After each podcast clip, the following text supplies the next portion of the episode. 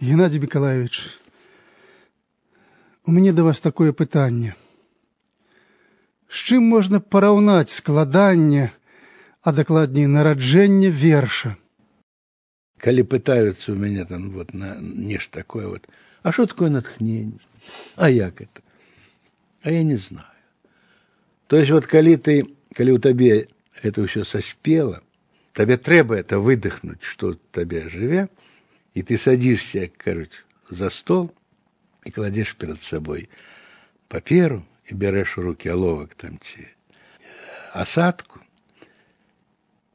и трапляешь вот, ней так вот у гэтай настрой, які у табе жыве і выспеў. Для меня самого дзіўна. То есть я знаю, что я хочу сказать, але я еще не знаю, як я скажу, якими словами.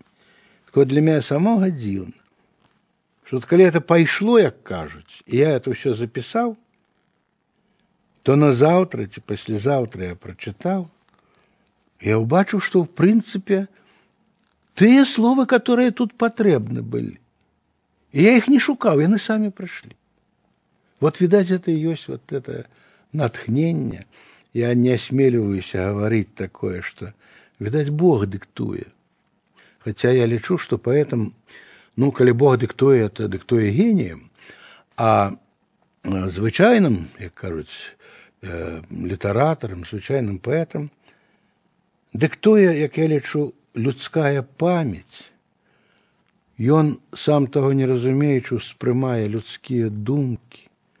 Людзі самі таго не бачачы, а можа нават і не хочучы, яны вось нейкімі сваімі паводзінамі, нейкімі падзеямі, нейкімі рэчамі яны прадыктавалі табе што вот, вот это трэба сказаць, это трэба сказаць. Калі табе ўдалося, гэта добра, ну не ўдалося, ну што ж зробіш так сказать, тут уже нічога не папіш. Але вот тады, калі у цябе ёсць адчуванне, што я зрабіў тое, што хацеў, то тады вот, вот так, такое шчаслівае адчуванне, што я, яны прыходзяць это вер словы самі сабою, вот, такое адчуванне ёсць. А чаму ў нас не было ніводнага выпадку адкрытай нязгоды з савецкім рэжымам? Ну так бы мовіць, не было, нашага беларускага дысідэнцтва. Ну ты разумееш, я з табой э, не зусім, а можа зусім не згодзін. Mm -hmm. вот, Таму што дысідэнты былі дысідэнты па сутнасці. Гэта паняцце месца, так сказать, у тым грамадстве. Яны былі. Іншая справа, што гэта былі беларусы.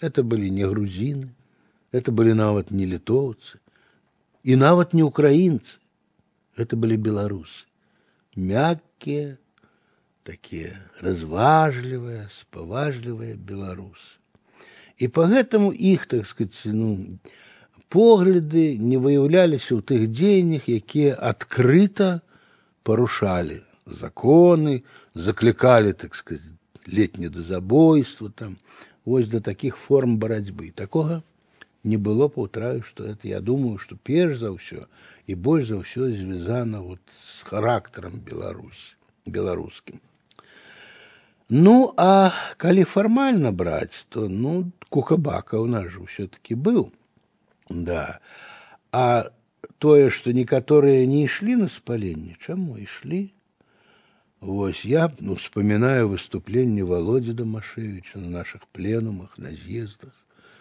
Ён кожны раз, калі выходзіў, вось ён практычна ён ішоў на грамадзянскае самаспаленне.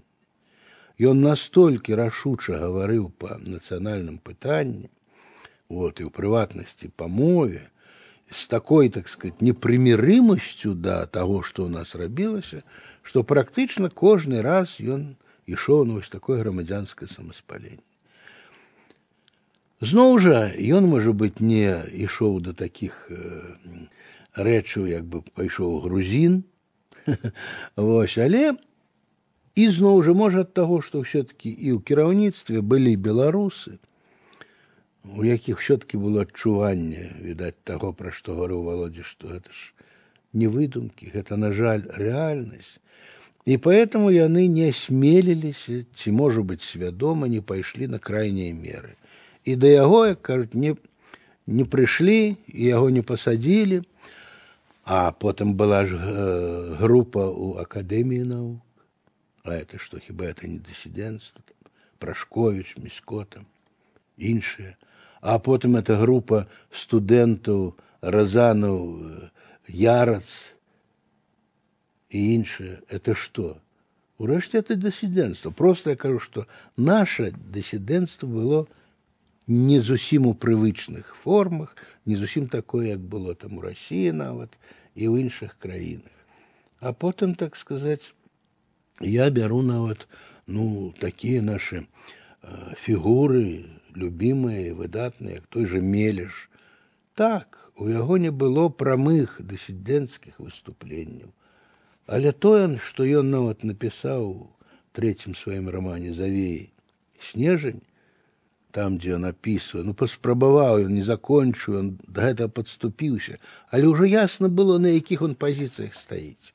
Як он ацэньвае 37 назовем конкретно год. Першы, хто пра это сказаў так вот ну у сучасным ці што э, ракурсе, это быў мелеш. Пасля быў вялікі перапынак, ніхто пра это не пісаў. Сур'ёзна, прытым з высокім майстэрствам. Гэта зрабіў пасля быкаў у знаку бяды. Што гэта было? Дысідэнцтва, недысідэнцтва. Я не знаю, як можа быць фармулёўка ёсць лепшая, можа быць больш дакладная.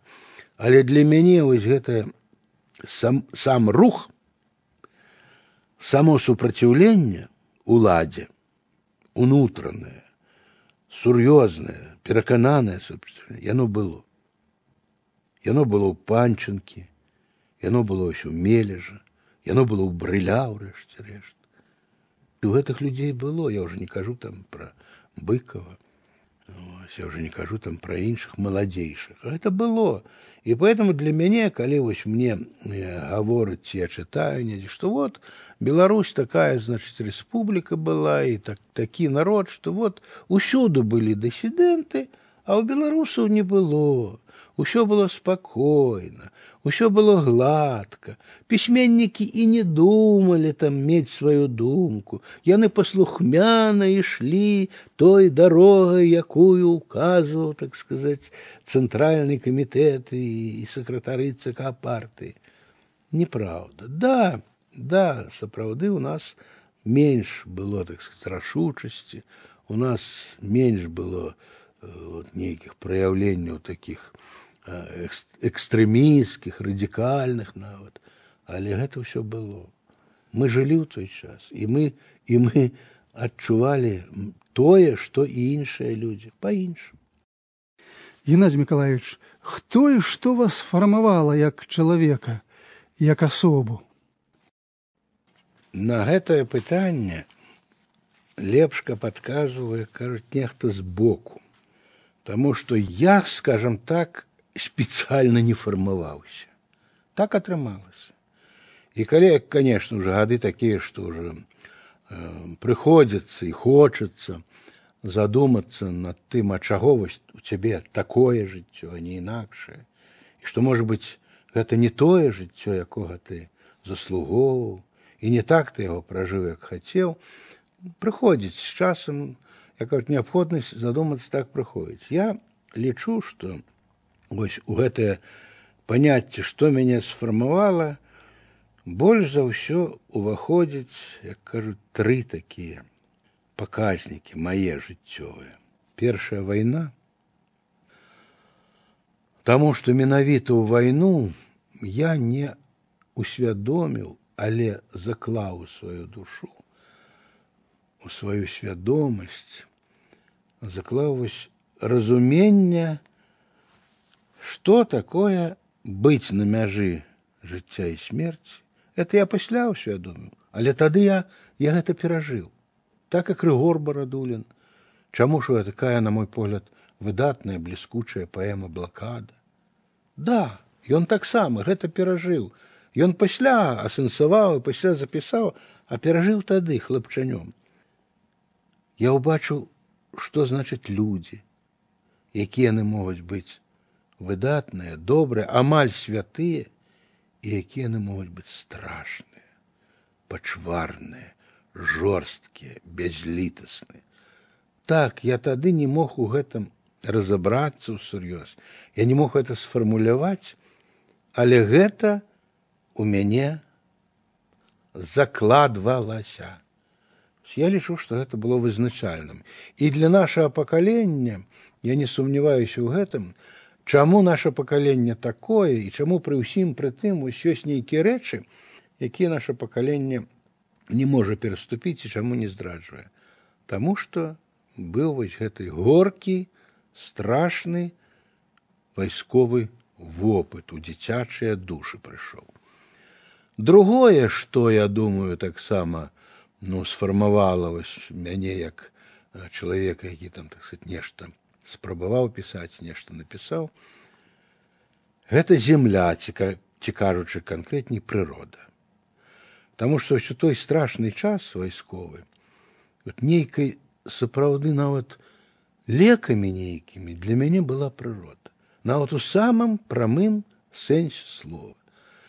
Калі аднойчы разам з мамай і сястрой мы ўцякалі ад нямецкага этого самалёта, які атрамыя так называлі, я не помню, як он там афіцыйна называецца ягоная назва.